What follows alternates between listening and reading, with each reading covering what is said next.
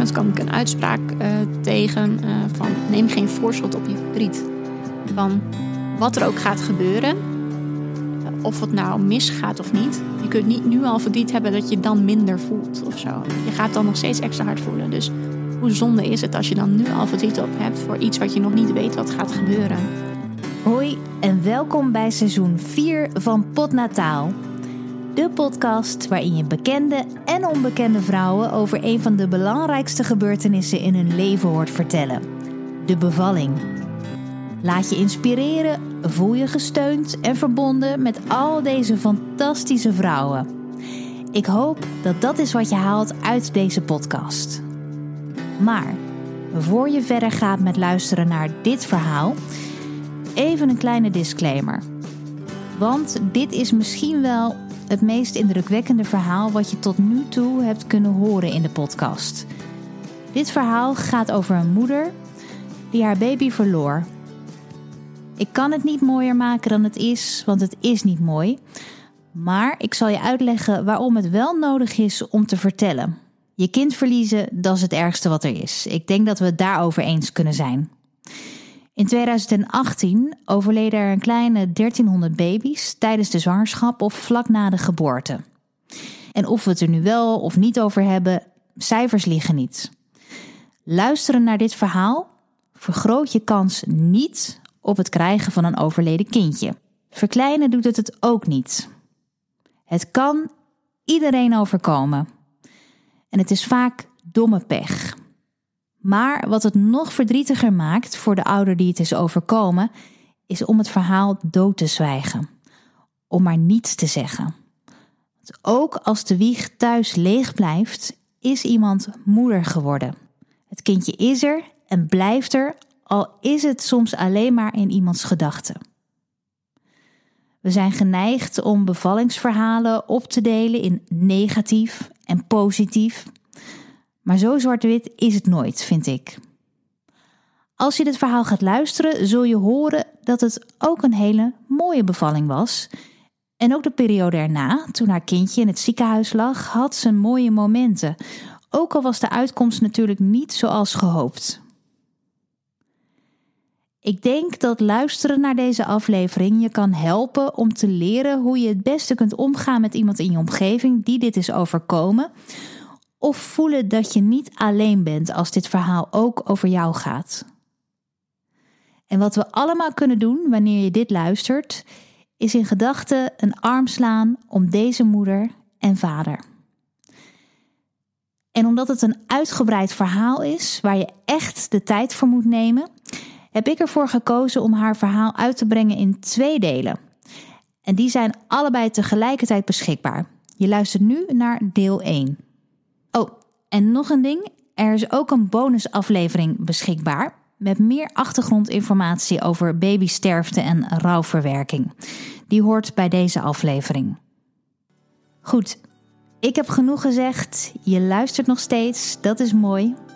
Mocht je het nog niet weten, mijn naam is Simone Wijnands. En dit is het verhaal van Kylie. Mijn naam is uh, Kylie Mostert ben 31 jaar. Ik woon in Heerenveen. Uh, ik kom officieel uit Overijssel. Maar uh, ooit uh, naar Leeuwarden gegaan om studeren en daar mijn vriend leren kennen. Daar een beetje blijven hangen. Is een echte Fries, dus ja, in Heerenveen blijven wonen. ik ben docent Engels. Ik geef les op een middelbare school en dat vind ik superleuk. En op 27 september 2019 ben ik bevallen van mijn dochter Mette. En op 19 december 2019 is Mette ook overleden. Kylie is een vaste luisteraar van Potnataal en ze benadert me op een dag via Instagram. Ze wil haar verhaal eigenlijk wel delen, maar ze twijfelt tegelijkertijd ook. We blijven lange tijd vrijblijven met elkaar appen, tot we op een dag wat uitgebreider met elkaar bellen om te onderzoeken of we verder willen gaan voor de podcast. Haar verhaal raakt me en ik zeg dat ik graag een aflevering met haar wil maken, maar alleen als ze er zelf helemaal achter staat. Ik geef Kylie nog wat extra bedenktijd en na een tijdje hebben we opnieuw contact en dan maken we de afspraak. Ergens tussendoor zijn we met z'n allen ook nog midden in een pandemie beland. Om toch zo normaal mogelijk door te kunnen gaan met de podcast, nodig ik mijn gasten daarom zoveel mogelijk uit in mijn eigen achtertuin. Daar heb ik een gezellige buitenstudio gecreëerd. Lekker tussen het groen, in de frisse lucht. Heel erg corona-proof. En op de dag dat ik met Kylie afspreek, is er net een hittegolf gaande. We zitten onder de parasol, zonnebrand en handgel is binnen handbereik. Op tafel heb ik een grote kan water gevuld met ijsblokjes, citroenschijfjes en munt gezet. En ondanks de warmte ziet ze er fris uit. Een vriendelijk en vlekkeloos gezicht omlijst door een prachtige bos haar.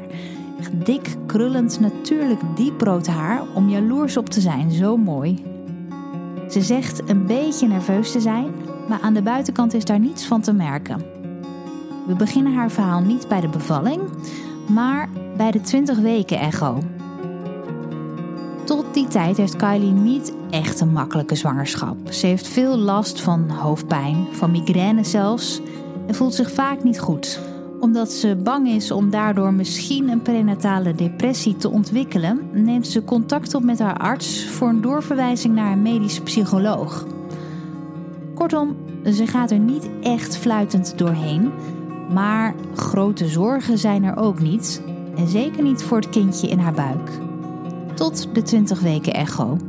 Ik was wel echt zenuwachtig voor die echo, omdat ik wist, ik ben als iemand, ik ga me helemaal inlezen wat er allemaal uh, moet gebeuren. Dus ik had me van tevoren echt wel ingelezen, ja, waar let ze precies op, precies op, welke dingen worden gecheckt en tot, wat kunnen ze allemaal zien. En toen had ik inderdaad ook wel gehoord van, uh, er wordt gekeken naar het vierkamerbeeld van een hartje. Nou, en toen we aan het kijken waren, nam ze ons heel erg mee van, nou, we kijken nu naar dat. Nou, en alles was goed. Oh, uh, mooi gezichtje. En oh, uh, ze, doet, uh, ze steekt de tong naar jullie uit. En er was heel vrolijk allemaal. En de ruggengraat mooi. En toen kwam ze bij het hartje en zei ze, nu ga ik naar het hartje kijken. En toen was ze stil. en ik keek zelf naar het beeld. Ik denk, wat rommelig. Dit is niet heel duidelijk, dacht ik al. En toen zij zo stil was, toen voelde ik hem eigenlijk al wel. Nou, mijn vriend had dat nog niet zozeer, maar die is sowieso meer van... Nou ja, totdat het tegendeel wordt bewezen, ben ik gewoon positief. Zo is hij gewoon ingesteld. Dus hij had het nog helemaal niet. En toen ze net stil bleef en toen zei ze wel van... Uh, ja, er is echt iets mis met het hartje. Nou, en toen kwam die emotie ook wel uh, vrij snel. Mijn vriend was natuurlijk ook verdrietig, maar bij mij kwam die echt... Want hij dacht van, ja, het is nog helemaal niet bevestigd. Maar ik dacht wel van, dit is wel echt een ervaren vrouw. Ze kwam ze ook over. En ze zegt dat echt niet zo als zij twijfelt of dat zo is, dan zeg je inderdaad al wat ik eerder zei: van uh, ja, uh, ik wil voor zekerheid iets laten checken en ik wil even iets uitsluiten, maar niet van het is mis met het hartje. Nee. Dat zei ze wel echt. Ja. zij zei toen zelf al wel: ik denk dat er sowieso één operatie nodig is. En, en uh, ja. En hoe gaat dat dan verder? Want uh, word je dan gewoon weer weggestuurd en uh, nou ja, kom je dan uh, in het ziekenhuis terecht? hoe gaat dat dan? Um, ja, toen hebben wij meteen van haar een doorverwijzing gekregen. We waren op donderdag waren we daar. Toen konden we meteen de volgende dag terecht bij het UMCG. Dus super snel. En toen kwamen we bij een gynaecoloog die ook gespecialiseerd is op hartafwijkingen. En de kindercardioloog komt toevallig niet. Maar ze gaven dus aan van als je dit nieuws krijgt, wil je, moet je gewoon zo snel mogelijk een echo krijgen. Dus we hebben op vrijdag een echo gehad en op, uh, en op uh, maandag kwamen we terug met de kindercardioloog erbij.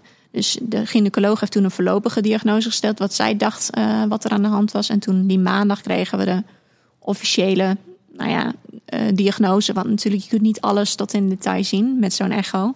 Ze moeten er maar net goed voor liggen. En onze dochter was uh, hartstikke eigenwijs. Dus uh, die was dan net aan het draaien. Of dan zitten de ribbetjes zeg maar, net een beetje ervoor. En dan zie je een soort van schaduw in het beeld. Of dan had ze de handje er weer voor. Dus je kunt niet alles tot in detail zien. Dus toen met de cardioloog kregen we na de voorlopige diagnose dat... Uh, ja, AVSD noem je dat. Dan betekent dat er een gat zit tussen de tussenschotten. Dus tussen de linker en de rechterkant van het hart. En de linkerkant leek minder ontwikkeld. En haar aorta die uh, leek wat nauw. Uh, dus dat heeft hij gezien. En de gynaecoloog die had wel iets, iets anders gezien, maar het kwam wel redelijk overeen. dus dat hadden we dan die maandag. Nou, toen op advies kregen wij een vlokkentest. Of een, een vruchtwaterpunctie. Vlokkentest, dat was het al wat te laat voor. Om te kijken of we niet een extra syndroom, bijvoorbeeld als je Patau of Edwards syndroom, dat zijn best wel zware syndromen. En dat zei de kindercardioloog ook. Nou, dat is zo zwaar syndroom. Dat is niet ethisch verantwoord om op zo'n kindje te gaan opereren. Want uh, er is geen remedie voor. Je kunt het niet behandelen. En die kindjes krijgen alleen morfine. Dat heb ik zelf opgezocht hoor. Niet dat de mm cardioloog dat zo heeft verteld. Dus dat was wel iets om uh, uit te sluiten. En, en uh, je moet dan voor week 24 een beslissing maken of je dan doorgaat met de zwangerschap of dat je uh, de zwangerschap af gaat breken. wat natuurlijk ook heel begrijpelijk is in zo'n situatie. En, wat voor gevoel had je toen zelf op dat moment toen je dat, dit allemaal wist? nou, ik was eigenlijk gewoon aan het bidden voor een miskraam. Ja, dat klinkt heel naar, maar je, hebt dan, je moet dan een keuze gaan maken met een onvolledige informatie. En dat is echt, nou, je sowieso een keuze maken over leven en dood. Dat is al verschrikkelijk en onmenselijk, maar ja, het moet gebeuren. En de enige persoon die die overweging ook kan maken, dat zijn ook de ouders. Dus dat een medisch specialist kan ook niet zeggen, je moet dit doen of dat doen. Zeker voor het accepteren dan van de gevolgen van die beslissing. Nou, zo'n beslissing is onmenselijk en je hebt inderdaad niet het volledige beeld. Dus je kunt niet in de toekomst kijken, je weet niet hoe het af gaat lopen. En uh, nou ja, inderdaad. En af en toe dacht ik van, nou ja, ik hoopte gewoon, ja, dat klinkt heel hard. En uh, niet uh, ten nadele van mensen die een miskraam hebben meegemaakt, want dat lijkt me super zwaar. Maar ik was echt, uh, ik was echt aan het bidden van, ja, ik heb nu liever gewoon een miskraam dan dat ik dit moet beslissen. Ja, omdat de beslissing dan uit handen wordt gegeven eigenlijk. Dan maak je lichaam... Ja, laat iemand anders. En het, het, gaat zelfs zo ver dat je dan ook wel... Ja, ik schrok er zelf ook van. Maar dat is natuurlijk uh, dat je soms suïcidale gedachten krijgt. Dat betekent niet dat je dan suïcidaal bent. Maar dat dat in je opkomt. Bijvoorbeeld we wonen naast een treinstation. Dat je denkt van... Dan hoef ik die last niet te dragen. En alles... Je wil af van die pijn. En, uh, van het en dat je dan... Ja, je, je ziet dan die trein en denkt... Oh, dat is wel makkelijk. Dan hoef ik dat nu niet te beslissen. En... Uh, betekent niet dat ik dan suicidaal was. Maar bijvoorbeeld dat ik die gedachten had, heb ik wel meteen gecommuniceerd naar mijn vriend. Van ik denk, hé, hey, het is gevaarlijk dat ik die gedachten krijg. En ik moet het niet voor me houden. Dus daar hebben we wel gewoon open en eerlijk over gecommuniceerd. En op een gegeven moment ging dat ook wel weg hoor. Maar ik denk van ja, dit is niet goed dat ik dat al meerdere keren heb gedacht. Dus ik wees daar eerlijk, uh, ik ben daar eerlijk over geweest. En uh, ik denk dat dat ook het beste is. Ja. Gewoon, uh, ook al schaam je je misschien voor die gedachten. Want dat lijkt dan, oh, wat ben ik nou voor slechte moeder dat ik een miskraam wens. Of uh, dat ik inderdaad uh, denk van de makkelijke uitweg. Maar het is eigenlijk heel menselijk om die gedachten te hebben. Dat zij later, uh, de medische psycholoog zei ook van, nou, dat is helemaal niet gek. Nee, natuurlijk niet. Want nee. ik bedoel, je gaat zo'n zwangerschap in met het idee van, nou ja, je, je, krijgt straks een kindje. Het is allemaal spannend. En tuurlijk heb, heb, heeft iedereen ergens in zijn achterhoofd het idee, het kan misschien misgaan. Maar niemand gaat er ook daadwerkelijk van uit. En nu krijg jij opeens het slechtste scenario gepresenteerd. Ja. Dan moet je ja. zelf uh, gaan, gaan beslissen. Dus in wat eigenlijk misschien wel een van de gelukkigste tijden uit je leven zou ja. moeten worden, ja. uh, krijg je dit allemaal op je bord. Dus ik snap wel dat je daar dan even aan zou willen ontsnappen. En dan is het een, misschien wel een hele logische gedachte dat je denkt, nou ja, zo, zo ben ik er vanaf. Ja, ja, ja, ik denk dat ook inderdaad natuurlijk is voor het menselijk brein dat je soms uh, inderdaad wat zijn de mogelijkheden? En dat dan, dat dan een mogelijkheid is die dan in je opkomt. Ja. Niet dat je daar dan ook echt naar gaat handelen, maar dat is wel een logische gedachte. Ja. En wat uh, ook uh, meteen eigenlijk, je komt dan eigenlijk meteen al in een soort van rouw. Want dat gezonde kindje wat je had gewenst, uh, waar je van gedroomd hebt met z'n tweeën, die is er eigenlijk al niet meer. Dus ook al zit dat kindje nog wel in je en voel je de schoppen, voel je de bewegen dat gezonde kindje is er niet meer. Dus er komt eigenlijk ook meteen een soort van rouw uh, bij kijken. En uh, ja, dat is heel dubbel. En dan voel je dan ook schuldig over tegen je, over je kind. Want ze is er nog en uh, ze trapt heel hard. En ik denk van ja, het is een klein vechtertje. Dus dan vond ik dat ook niet eerlijk om dat te denken. Maar af en toe moet je dat ook natuurlijk wel een beetje toelaten. Want je wenst natuurlijk als ouder het beste voor je kind. En je droomt er niet van, oh, het lijkt me echt fantastisch dat mijn kind een handicap heeft of uh, dat hij uh, allemaal extra hulp nodig heeft. Dus ik zou zeggen, als je dan in zo'nzelfde situatie zit, voel je daar ook niet schuldig over, want het is logisch. Je wil gewoon het beste voor je kind. Dus dan is het ook niet erg als je daar verdrietig over bent, als dat dan niet zo is. Ja, natuurlijk. En het lijkt me ook zo voor jou zo tegenstrijdig dat je dus inderdaad wat je zegt, je voelt je kind schoppen, je voelt ja. dat ze leeft, dat ze beweegt. Ja. En dan is het aan de andere kant krijg je dat bericht uit het ziekenhuis. En dat ja, hoe strookt dat dan met elkaar? Had je niet ook soms momenten dat je dacht, nou, ze zijn gek geworden daar. Het is, het is niet zo. Nou ja, ik geloofde wel dat het echt zo was. Maar ik had wel, als ik het dan voelde, werd ik uh, nou ja, soms heel boos. En ik denk van ja, dit kan gewoon niet. Hoe, hoe kan dat dat ze inderdaad zo uh, hard kan trappen, uh, nu al. En dat het dan wel zo mis is. Heel gek. En af en toe, nou ja, dan ook wel inderdaad extra confronterend. Dus soms wilde ik dat ze niet ging trappen. Dus dan dacht ik van, doe het maar niet. Laat me maar even niks voelen. En een aantal weken later vond ik het juist heel fijn dat ze aan het weer trappen was. Dan vond ik het echt van, oh ja, ze is er nog en uh, ze gaat ervoor. En, uh, dus dat heeft heel veel stadia dan ook wel doorlopen binnen een best wel kort tijdsbestek. Dus van ja, heel boos zijn uh, tot inderdaad het eigenlijk niet willen voelen. Dat heb ik de eerste paar weken gehad. En later ook wel weer heel gerustgesteld zijn als je dus die trapjes blijft voelen. En uh, voor ons de bevestiging inderdaad van... oh, ze is aan het vechten en ze wil er uh, voor gaan. Dus vandaar ook uiteindelijk ook onze beslissing... om wel de zwangerschap door te zetten. Uit de vruchtwaterpunctie komt verder niets. Die eerder genoemde syndromen konden dus in elk geval worden uitgesloten... maar dat de zichtbare hartafwijking ernstig is... staat als een paal boven water... De artsen zien wel mogelijkheden om te opereren, maar het blijft hoe dan ook een gok, omdat niet alles af te leiden is uit de echo's. Zal hun baby sterk genoeg zijn voor zo'n zware operatie? Zijn er nog meer afwijkingen die nu niet zichtbaar zijn? Allemaal vragen die onbeantwoord blijven. Het is aan Kylie en haar vriend om te beslissen of ze het aandurven om verder te gaan met de zwangerschap. Uiteindelijk eh, kregen we met ruim 23 weken, 23 weken, één dag kregen wij de uitslag van die test. Maar in Nederland moet je voor 24 weken is het legaal om uh, met medische indicatie dan om dan abortus te plegen of de zwangerschap uh, te stoppen. Dus we moesten best wel snel een keuze maken. En toen kregen wij op vrijdag de uitslag, dat weet ik nog wel. En die donderdag erop was ik dan 24 weken. Maar dan zou ik wel op woensdag moeten beginnen met de inleiding als, dat, als ik wilde afbreken. Nou, wat wij hebben gedaan is. Ehm, wij zijn naar die.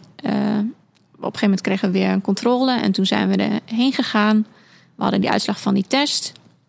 En we denken, we gaan niet te veel eh, elkaar pushen van wat wij nu voelen. Van wat ons eerste gevoel is van willen we doorzetten of niet. En op een gegeven moment die avond, uh, toen had ik zelf heel erg het gevoel van ik wil wel doorzetten van uh, de zwangerschap. Dus ik zei heel voorzichtig tegen mijn vriend van ja, ik zeg niet om je te pushen, maar mijn eerste reactie vandaag is van we moeten er wel voor gaan. En toen zei mijn vriend, ja, dat heb ik ook. Maar ik zeg, ja, we gaan wel gewoon rustig nadenken over deze beslissing. Dus uh, de volgende ochtend uh, hadden wij dat nog steeds. En zondag hadden wij het ook nog steeds. Dus toen dachten we, als we de beide dit zo voelen zonder elkaar te beïnvloeden, dan is dit voor ons de juiste beslissing. En uh, wat ook belangrijk is bij zo'n beslissing maken, is dat jij een beslissing maakt waar je over vijf jaar nog steeds vrede mee kunt hebben. En dat je dat op een juiste manier doet. Dus als je dan het gevoel hebt van ik word opgejaagd door de ander of uh, de ene wil het wel en de ander wil het niet, kan je het misschien elkaar gaan kwalijk nemen. Dus daarom is het wel heel duidelijk om elkaar ook de ruimte te geven, denk ik daarin. En um, wij hadden dus, wij zaten dus heel erg op één lijn. Dus bij ons was dat geen sprake van. En uh, sowieso in het hele proces we zijn het overal over oneens, maar in de essentie dus over onze dochter hoefden we nooit iets te overleggen. Dat was echt bizar. Dat heeft ons echt gebracht. En uh, ja, daardoor hadden wij heel veel uh, vrede met onze beslissing. En nu nog steeds, ook al weten wij nu de uitkomst die het heeft gebracht, toch zou, heb ik vrede met die beslissing. Omdat wij toen op een wel, over, uh, wel overwogen manier die beslissing hebben gemaakt. Dus we hebben er geen spijt van. Wist, jij, wist ik toen de informatie die je nu weet, dan had ik wel een andere beslissing gemaakt natuurlijk. Want dan had je dit haar liever bespaard. En ook jezelf natuurlijk. Maar voor dat moment hebben wij de beste beslissing gemaakt. Dus dan moet je daar ook gewoon bij kunnen neerleggen. En je kunt en, jezelf dat niet gaan verwijten. Nee, nee, nee, ik denk dat je jezelf dan heel moeilijk maakt. En het is voor ons makkelijk praten omdat we op één lijn zaten. Maar um, je maakt voor dat moment gewoon de beste beslissing. En ook de enige persoon die, personen die die beslissing kunnen maken zijn de ouders. Dus ook als je ook als familielid ziet dat mensen moeite hebben met zo'n beslissing. Wat je ook vindt, ook al zegt iemand: ik, uh, wij gaan wel afbreken en je bent erop tegen, zeg het alsjeblieft niet. Had jij mensen die in je omgeving die jou probeerden te pushen in een uh, richting? Niet echt pushen. Maar er zijn wel een paar mensen geweest die hun mening wel heel duidelijk naar voren brachten. En dat vond ik echt heel moeilijk. Zeker omdat het al zo onmenselijke keuze is. Ja, was dat heel erg stekend. En ook van, brengt een beetje je in discrediet van uh, dat jij geen goede beslissing kunt maken. Terwijl het al zo'n moeilijke beslissing is. Het is echt, en je twijfelt constant aan jezelf. Dus geef gewoon als omgeving uh, het vertrouwen. En dat deden de meeste mensen hoor. Dus dat was heel fijn. Onze ouders en zo allemaal, die waren super. Die zeiden ook van jullie kunnen als enige die beslissing maken. En we hebben er vertrouwen in dat jullie een goede beslissing maken. Dus wij hebben daar heel veel geluk mee gehad hoor. Maar ik vond het wel moeilijk toen een aantal mensen daar wel iets uh, over zeiden. En het is met, met dit ook, als je een beslissing maakt, er zijn altijd mensen die daar een mening over hebben. Maar het is heel makkelijk om een mening te hebben als je daar niet in die situatie zelf zit. En denk ik dat heel veel mensen zich niet realiseren wat zo'n mening met iemand doet. Dus mocht je inderdaad denken van, ik uh, denk er anders over, dus ik zou het gewoon niet zeggen. Nee. Spreek je vertrouwen uit naar die ouders. Want het is gewoon echt, ja, zoals ik het is gewoon echt onmenselijk. Je kunt het eigenlijk, het is een onmogelijke beslissing. Je kunt het voor jezelf ook nooit goed doen. Laat staan uh, als je dan ook nog iemand anders uh, in je achterhoofd mee moet nemen. Van nou, als de buurvrouw het ook maar ja, goed precies. vindt. oh, de buurvrouw, ja. inderdaad, die heeft een ja. campagne tegen abortus. Dus ik mag het nu uh, niet mijn zwangerschap afbreken. Ja, dat is echt. En ook in zo'n, als je zo'n beslissing maakt. wij wilden alle scenario's wilden we wel overwegen. Dus wij, wij zijn er nu voor voortzetting van de zwangerschap gegaan. Maar wij hebben ook serieus overwogen om hem wel af te breken. En ik wilde ook echt precies weten van hoe gaat het proces nou. Dus daar heb ik aan de verloskundige gevraagd, ja, hoe uh, gaat het dan? Krijg je dan ook stuwing? Uh, uh, leeft het kindje dan als het ter wereld komt? of gaat het dan meteen dood? Of, dat wilde ik wel weten, want als jij niet geïnformeerd bent, kun je ook die beslissing niet maken. En nee. dat schrok sommige mensen dan een beetje af van hoe kun je dat overwegen? Ik denk, ja, maar je moet alles overwegen, wegen, want anders kan je niet zo'n belangrijke beslissing maken. Of nee, blijf je ook met vragen, ons... vragen zitten, denk ik ook. Ja, ja, van wat als en hoe gaat dat dan? En je wil gewoon zoveel mogelijk uh, duidelijkheid hebben in een onduidelijke periode. En waar alles onzeker is, moet jij een paar lijntjes hebben waar je aan vast kunt houden. En wat gaf nou voor jou uiteindelijk de doorslag uh, dat je dacht: oké, okay, we, we gaan hiervoor? Ja, het is moeilijk te omschrijven. Uh, het was gewoon echt een gevoel. En uh, misschien een stukje naïviteit, dat je altijd denkt dat er hoop is voor je kind. Dat, dat dat het wel is geweest, ik weet niet. Maar wij dachten toen echt van ja, het komt goed. Dus we gaan ervoor. En het wordt moeilijk, maar we gaan ervoor. Dat, dat hadden we allebei heel erg sterk, dat gevoel. Ze zet de zwangerschap voort. Behalve dat ze meer echo's en controles heeft in het ziekenhuis en de kindercardioloog natuurlijk regelmatig aanschuift, verschilt de zwangerschap eigenlijk niet zo heel veel met iemand die zwanger is van een gezond kindje. Kylie probeert zo rustig mogelijk te blijven en niet te veel te stressen, omdat dat ook niet goed is voor de baby. Jammer genoeg heeft Kylie zwangerschapsdiabetes. Heel vervelend natuurlijk, maar daar kun je goed mee doorlopen. Een datum voor de bevalling is er nog niet, maar dat ze gepland in het ziekenhuis moet bevallen is wel zeker. Ze bereidt zich goed voor door van tevoren te vragen om een rondleiding, waardoor ze precies weet waar ze, als het zover is, komt te liggen en waar haar kindje vervolgens naartoe zal worden gebracht. En er werd mij ook al verteld van als je gaat bevallen, uh, lig jij in de verloskamer en daarnaast is een uh, soort van kamertje waar ze gecheckt wordt. Dus dat je dan ook van tevoren weet, van ze is heel dichtbij, dat je niet denkt, oh mijn kind wordt meegenomen en ik weet niet waar ze is. En je weet, ze is naast me. En dat er toen ook al werd verteld, de partner mag mee. Dus toen wist mijn vriend daarvan, oh ja, en toen hadden wij dus ook al van tevoren afgesproken. Dan ga jij met haar mee. Want ze blijft niet alleen met de artsen, jij gaat met haar mee. Dus zulke dingen kunnen je toch wel een beetje rust brengen van tevoren. Dat je dan in zo'n onzekere periode een paar inderdaad, lijntjes of dingetjes hebt om je vast te klampen, dat je dat al weet. Ja. Ik zou wel denken, uh, ik heb natuurlijk geen medische achtergrond, maar ik zou denken met een, een babytje met zo'n zware hartafwijking, is het dan wel uh, mogelijk voor de baby zelf om een natuurlijke bevalling te ondergaan. Want het is natuurlijk een ja. heel, niet alleen voor jou heel zwaar, maar ook voor het kindje. Ja. Ja. Um, want dat, dat mocht dus wel. Ja, nou ja, ik dacht dus ook, ik was er zelf van uitgegaan dat ik een keizersnede zou moeten hebben. En dat zei ik op een gegeven moment bij zijn controle. En toen zei die uh, kindercardio van, nee hoor. Nee, we hebben juist de voorkeur dat uh, uh, het kindje natuurlijk wordt geboren. Want over het algemeen krijgen die longetjes dan een goede boost. En dat kan ze soms juist een extra zetje geven. Maar natuurlijk wordt het kindje wel extra in de gaten gehouden tijdens zo'n bevalling. Dus er was continu ECG en uh, bloedmonstertjes werden genomen. Om ervoor te zorgen dat dat wel veilig uh, bleef. Maar zeg, het heeft juist onze voorkeur om een natuurlijke bevalling. Keizersnee is natuurlijk ook natuurlijk, maar gewoon vaginaal om uh, zo het kindje ter wereld te laten komen. Maar dat dacht ik dus ook van tevoren van dat kan misschien wel niet. Of ik moet een keizersnee. En daar had ik ook al vrede mee. Van nou ja, oké, dan moet ik een keizersnee. Wat het beste is voor haar, doen we gewoon. Maar uiteindelijk bleek dat dus wel inderdaad uh, natuurlijk uh, wel ook goed te kunnen zijn voor zo'n kindje. We maken een tijdsprong. Want hoewel de bevalling sowieso gepland zou worden, komt het moment toch sneller dan gedacht. Ik voelde me al niet helemaal lekker. Uh, ik, ik voelde me de weken ervoor al een beetje opgejaagd en zo. Maar ik dacht van het is misschien gewoon de spanning van uh, ja, het moment der waarheid van gaat ze misschien overlijden tijdens bevalling. Dat was dan een van mijn angsten. Of uh, hoe gaat het daarna? Uh, dus ik dacht van dat is misschien gewoon die spanning. Dus daar had ik niet zoveel achter gezocht. En op een gegeven moment op zondag, uh, voor uh, de vrijdag dat ik bevallen was, toen had ik eventjes twee uurtjes of zo was ik het, bij zo'n strandje geweest. En ik voelde me toen helemaal niet lekker. Dus ik, misschien heb ik wel een zonnesteek of zo. Want ik was echt heel misselijk. En ik had ook heel erg hoofdpijn. En ik was aan het trillen over mijn hele lichaam. Ik denk, nou, ik voel me echt niet goed. En ik had ook heel erg last van mijn rug. En maar toen ben ik gewoon op bed gaan liggen. Ik denk, nou, het gaat vanzelf wel weer wat beter. En toen die maandag had ik ineens, s'avonds had ik heel erg pijn bij mijn lever. Maar dat had ik wel vaker gehad, dat ineens zo'n steek. En vaak lag zij ook met haar voeten uh, richting mijn lever en trapte zij ook heel vaak in. Dus uh, ik dacht van misschien trapt ze ook wel gewoon weer heel hard. En het trok wel door naar achter, maar het was niet dat bandgevoel wat je wel eens hoort van dat hebben mensen met een zwangerschapsvergiftiging. Op een gegeven moment deed het echt wel heel veel pijn. Echt alsof er een messteek zo uh, in zat. Nou ja, ik weet niet hoe het voelt, maar voor mijn gevoel voelde dat zo. En toen heb ik dus wel, omdat het ziekenhuis wat verder weg was, had ik een soort van nummer wat ik mocht bellen als er iets was. Gewoon dag en nacht mocht dat. En toen belde ik dat nummer en toen vroeg ze ook wel naar symptomen. Nou, ik had geen koorts, ik voelde de baby wel goed bewegen. Um, en ik had niet dat bandgevoel.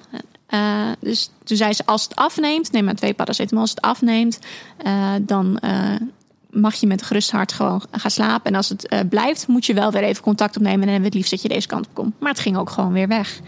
En de dagen daarna voelde ik me niet lekker. Nou, een beetje grieperig. Maar dat hoor ik wel vaker van vrouwen voordat ze gaan bevallen. Maar was op een gegeven moment had ik echt wel heel veel hoofdpijn. Ik was heel misselijk. En ik was ook al een paar dagen echt de hele tijd aan het trillen.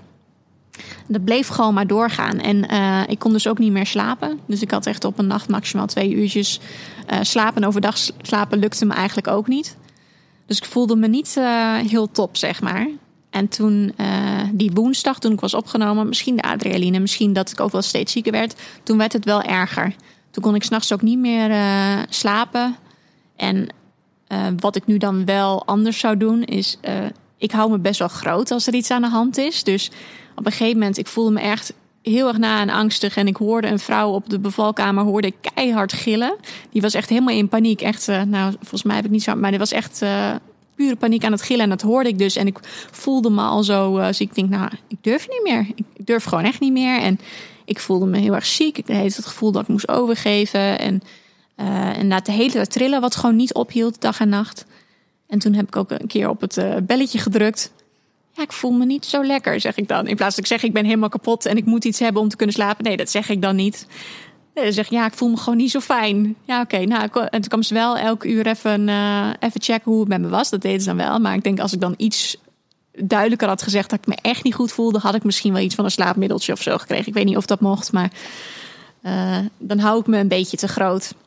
En daardoor uh, onderschatten mensen misschien ook wel net hoe ziek ik me voelde. Ook al was het natuurlijk wel in mijn ja, eiwitten in de urine te zien. En inderdaad, die leverwaarden waren niet meer goed. En inderdaad, de bloeddruk die toch wel heel erg hoog werd. Dus daar was het wel aan te zien dat ik echt zwangerschapsvergiftiging had. Maar ik hou me dan gewoon veel te groot. Zwangerschapsvergiftiging dus. En dat betekent dat ze zal moeten gaan bevallen. Ze is op dat moment net voorbij de 38 weken. Ze plaatst in het ziekenhuis een ballonnetje om de bevalling op gang te helpen. Het werkt. Ze heeft daardoor al 2 à 3 centimeter ontsluiting. Dus daardoor de beslissing om dan ook dan op een gegeven moment maar de vliezen te gaan breken en uh, naar de verloskamer te gaan. En, uh, maar toen zei ze nog wel van je hebt ontsluiting, maar ze ligt nog heel diep. Dus ze is nog helemaal niet ingedaald of zo. Ze lag wel op de goede manier, maar ze was nog helemaal niet. Dus eigenlijk was ze nog helemaal niet echt klaar voor om uh, te komen. Maar ja, dat moest wel. Ook omdat die placenta dan minder uh, zuurstof geeft uh, door die zwangerschapsvergiftiging. Maar ook omdat ik zelf natuurlijk steeds zieker werd. Dus toen ben ik nou ja, rond zes uur naar de verloskamer gebracht. En toen zei ze, nou, we gaan meteen de vliezen breken. Maar toen overviel me een beetje. Toen dacht ik van, dit gaat me eigenlijk even te snel. Want ik had me nog niet gedoucht. En ik had het helemaal niet bedacht dat dat dan zo snel zou gaan. Dus toen heb ik gevraagd van, ja, mag ik... Is het goed om gewoon heel eventjes te wachten met die vliezen breken? Want ik wil me even douchen. Toen zei ze, nou prima. Dus uh, toen mocht ik me even douchen. En mocht ik even rustig mijn tijd nemen. En dan mocht ik gewoon op de bel drukken wanneer ik me er klaar voor voelde. Dus ik werd totaal niet opgejaagd of zo. Ik mocht heel erg zelf ook wel regie daarin hebben en aangeven wat ik wilde. Ik had niet het gevoel van, oh, ze willen mij nu zo snel mogelijk uh, bevallen hebben, zodat ze die artsen klaar hebben staan of zo. Nee, helemaal niet. Nee. Nee, het klinkt ook wel uh, houden ze, alsof ze daar wel extra rekening mee hielden met jouw situatie. Dus, ja, uh, ja. ja, en ik had ook dan natuurlijk een bevalplan uh, van tevoren. Nou ja, dat zijn natuurlijk wensen, geen eisen. Maar ik had wel het gevoel dat er veel rekening mee werd gehouden. En misschien dat ze sommige dingen ook al van zichzelf zo deden hoor. Dus dat kan ook. Want over het algemeen vond ik het heel goed geregeld. Maar we hadden bijvoorbeeld ook aangegeven van laat ons maar zoveel mogelijk gewoon met rust. Laat ons maar zoveel mogelijk met steetjes. En als er echt iets is, dan komen jullie binnen. Dus we hebben ook heel veel. Uh, toen om, 7 uur werden dus mijn vliezen gebroken. Toen zagen ze trouwens wel dat er meconium in zat. Dus uh, zat wel gepoept in het vruchtwater. Dus nou, dat is een extra dingetje. Maar ik dacht van ja, we hebben nou ja, de bingo kaart met alle dingen die je niet wil. Die kunnen we ook nog afstrepen. Denk, we proberen maar gewoon nuchter rond te blijven. En ons gerust te stellen van ze ligt gewoon aan allemaal apparatuur. Uh, ze houden het goed in de gaten. Dus uh, dat waren mij niet extra zorgen. Ik denk ze is gewoon op de juiste plek. Er zijn goede artsen. Dus daar voelde ik niet extra stress door. Ik heb het gewoon een beetje laten gebeuren. Dus had je lekker gedoucht eventjes? Lekker gedoucht inderdaad. En toen om inderdaad zeven uur zijn mijn vliezen gebroken. En toen eh, heb ik zelf aangegeven van ik wil niet meteen die weeopwekkers erin. Ik wil eerst even kijken of mijn lichaam het zelf gaat oppakken. Nou, dat hebben we ongeveer een uurtje gedaan. En toen zei ze, nou, was toen eigenlijk gebeurde er nog niks, behalve een beetje rommelen. Toen zei ze, we willen wel graag starten. Dus niet van, we gaan nu starten. Nee, we willen graag starten. Toen zei ik, ja, dat vind ik goed. Dus ik had zelf wat gevoel van, ja, hier ben ik het ook mee eens. Deze is heel goed. En toen uh, zijn ze gestart met de weeënopwekkers. Nou, het eerste half uurtje merkte ik nog niet zoveel. En uh, daarna begon het al een beetje te komen. En uh, ik moet zeggen, ik vond ze wel meteen al vrij heftig, de weeën. Maar is misschien ook omdat ik heel erg moe was al en al kapot dat je de daardoor wordt zwaarder ervaart. En ze kwamen ook best wel uh, regelmatig al, echt om de vijf minuten al vrij snel. Dus het was niet echt een opbouw of zo. En dat had een vrouw van een zwangerschapscursus ook wel gezegd: van je slaat de eerste fase van de bevalling eigenlijk een beetje over als jij uh, weeopwekkers gebruikt. Dus dat, eh, dat je er een beetje langzaam in die opbouw, die is eigenlijk een beetje weg. Dus dat is niet heel gek. Dus dat wist ik ook wel dat dat zou kunnen gebeuren. Nou, een paar uurtjes waren die weeën om de vijf minuten, om de drie minuten. Nou, en was je dan alleen met je vriend in de kamer? Ja. ja, ik was alleen met mijn vriend eigenlijk. En uh, ik had zo'n uh, bal. Uh, ik had er ook zelf in meegenomen, maar ze hadden er ook zelf een. En het was echt een hele grote kamer. Dus ik, er was nog een bad waar ik in zou kunnen eventueel. Nou, ik had nog een douche. Uh, nou, en, en een ruim bed. En uh, we hadden gevraagd, mogen we de beeldschermen even allemaal even uitzetten. Zodat het gewoon zo donker mogelijk is. En we mochten de ramen naar beneden, de zonwering naar beneden doen. Dus we hadden echt wel een soort van eigen kokonnetje toch wel gemaakt.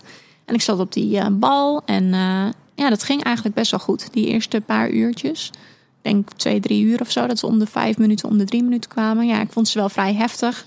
Maar eh, het was te doen. Ik kon me wel uh, goed, uh, ja, ik kon me er wel goed aan overgeven ook. En zag je er naar uit om uh, te bevallen op dat moment?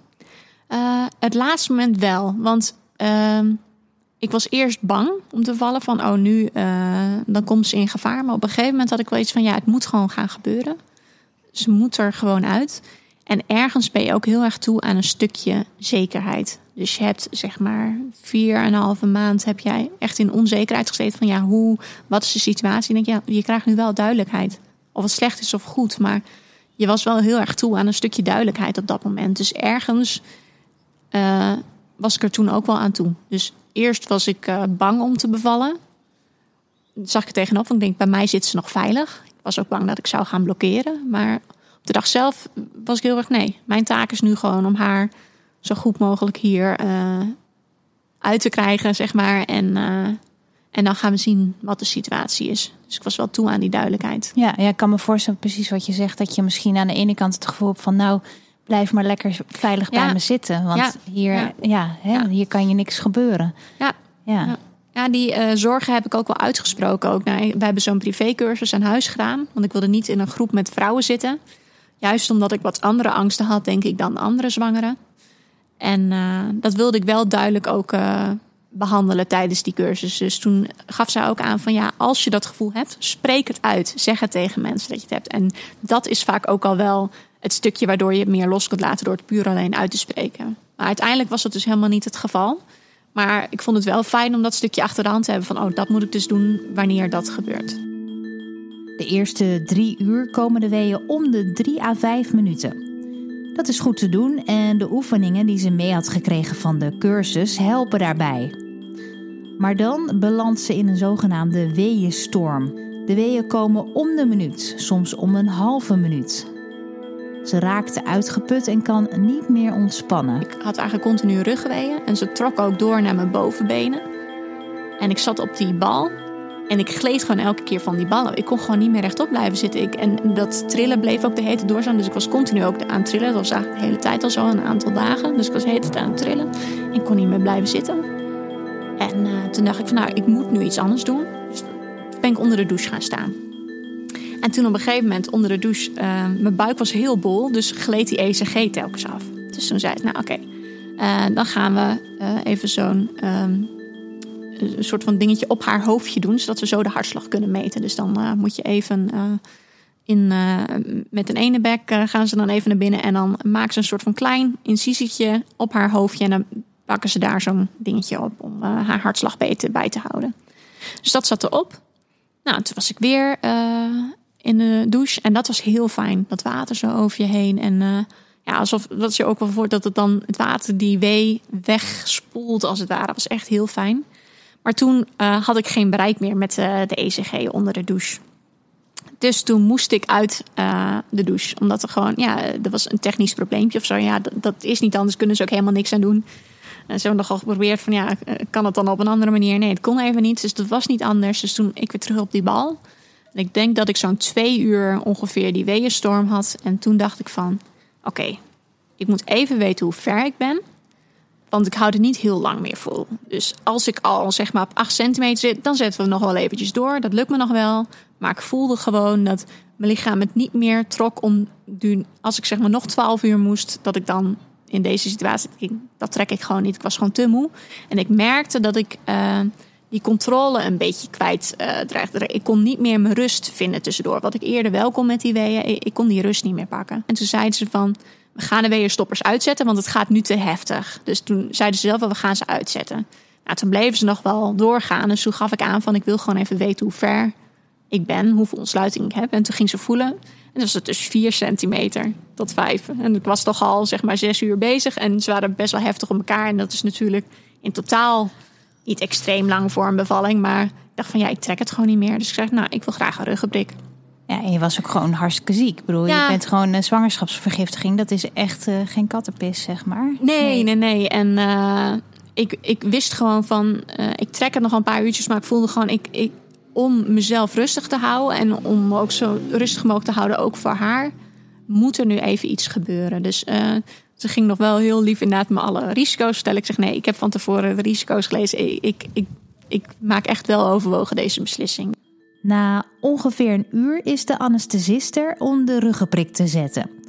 Ze testen of de prik zijn werk doet, maar dat blijkt niet het geval. Hij zat maar van mijn tenen tot mijn knie. Zat mijn ruggenprik. Nou ja, daar beval je niet uit je teen. Dus uh, ja, toen zeiden ze dus van ja, uh, we kunnen nu een morfinepompje aan gaan leggen.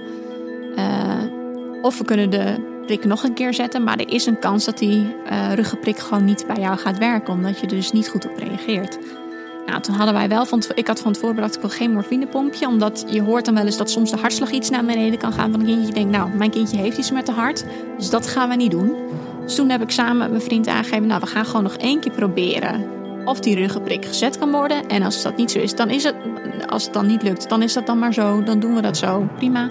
Maar ik ga het wel proberen. Dus nou, toen kwam er nog weer een andere anesthesist kwam erbij. Dus op een gegeven moment stonden er een nou, gynaecoloog was niet, maar er stond een verloskundige, een, uh, een eh, verpleegkundige, een anesthesist met co-assistent, nog een andere anesthesist met co-assistent. De gynaecoloog kwam er op een gegeven moment ook nog even bij, dus de hele kamer stond vol. En toen gingen ze die voor de tweede keer zetten en toen uh, werkte die wel. Dus toen was ik goed verdoofd.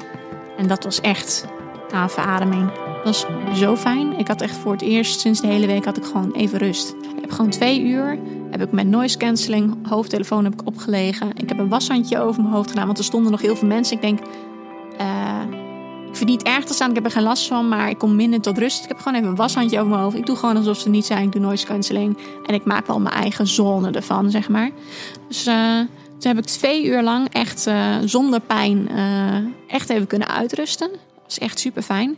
En toen kwamen de weeën er wel weer een beetje doorheen.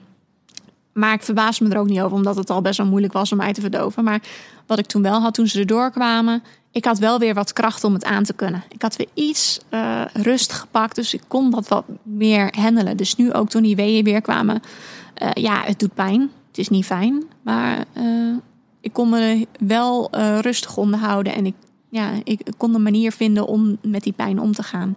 Op een gegeven moment beginnen haar weeën een beetje te stagneren. Ondanks de ruggenprik is Kylie nog in staat om even op handen en knieën te gaan zitten, omdat dit hopelijk de weeën weer op gang zal brengen. Zo'n verticale houding geef ik de natuur even een extra zetje, zeg maar. En toen uh, kwam die ontsluiting wel weer een beetje op gang. Dus toen kwamen die uh, weeën wel. En toen kreeg ik wel weer, hebben ze wel weer, zijn ze gestart met een beetje weeënopwekkers weer. Dat het toch wat stagneerde. Dus um, dat was rond toen, kwamen weer, uh, toen ging het wel weer wat uh, beter. Toen liepen ze wel weer op. Het ging, oh, uh, ging het ook wat sneller. En toen zei de verloskundige, die werd ineens weggeroepen voor een, een spoedecho. Dus die moest ineens weg. Maar de verpleegkundige was nog wel bij me. Want het ging toch wel wat sneller. En dat was denk ik rond negen uur. Toen had ik voor mijn gevoel heel erg persdrang. Maar de verloskundige was het niet.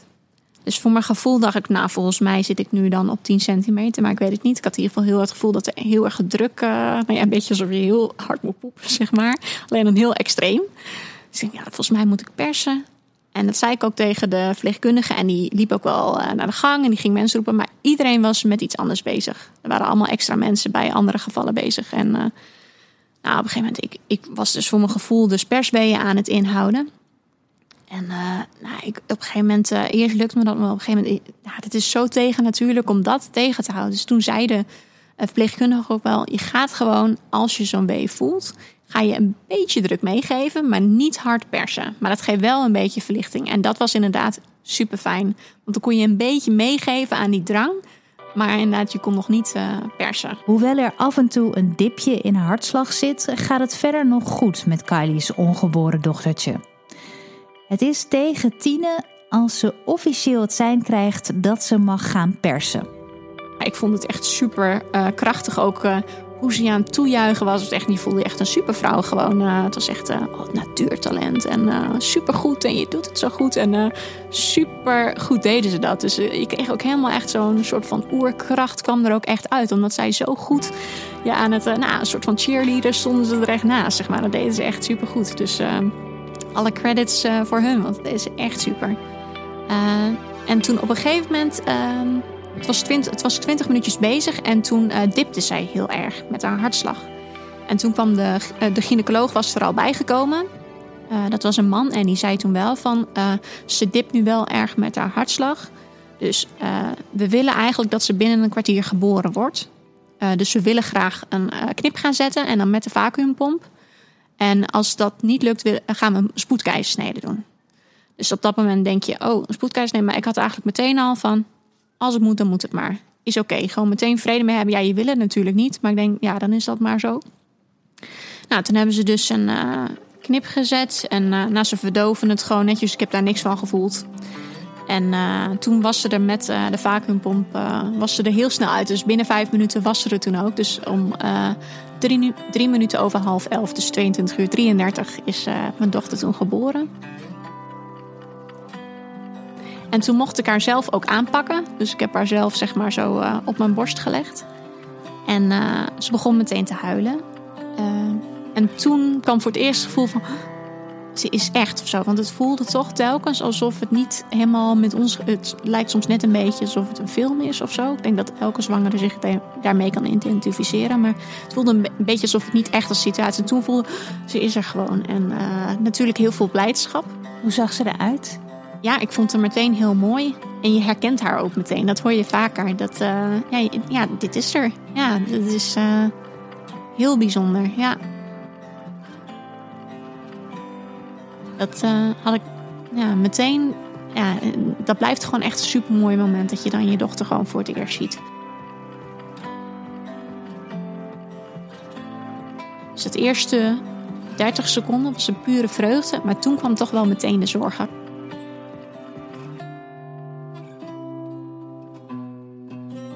Je hoorde deel 1 van het verhaal van Kylie en haar dochtertje Mette. Om te horen hoe het verder gaat, kun je meteen doorgaan met luisteren naar deel 2, die ook al direct beschikbaar is. Dan heb ik nog een vraag aan je, los van het verhaal van deze aflevering. Ben je eigenlijk al vriend van de show? Als je naar vriendvandeshow.nl slash potnataal gaat namelijk, dan kun je je aanmelden als officiële vriend.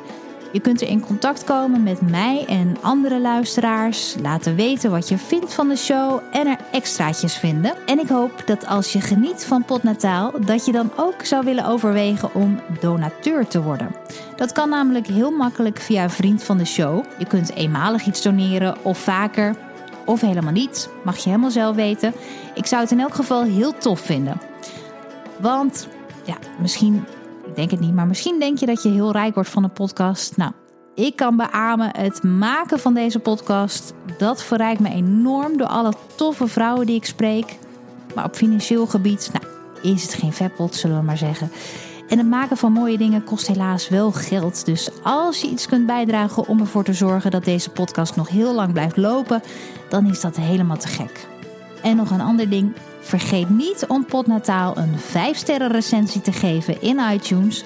Op die manier zorg je er namelijk voor dat nog meer mensen deze podcast makkelijk kunnen vinden. En als je abonneert, dan krijg je altijd een melding als er een nieuwe aflevering beschikbaar is. Dus dat is sowieso slim om te doen. Behalve via vriendvandeshow.nl slash podnataal ben ik ook nog online te vinden via mijn Instagram account. En dat is underscore. Podnataal is te beluisteren via alle beschikbare podcast apps. En natuurlijk via dag en nacht. Dag!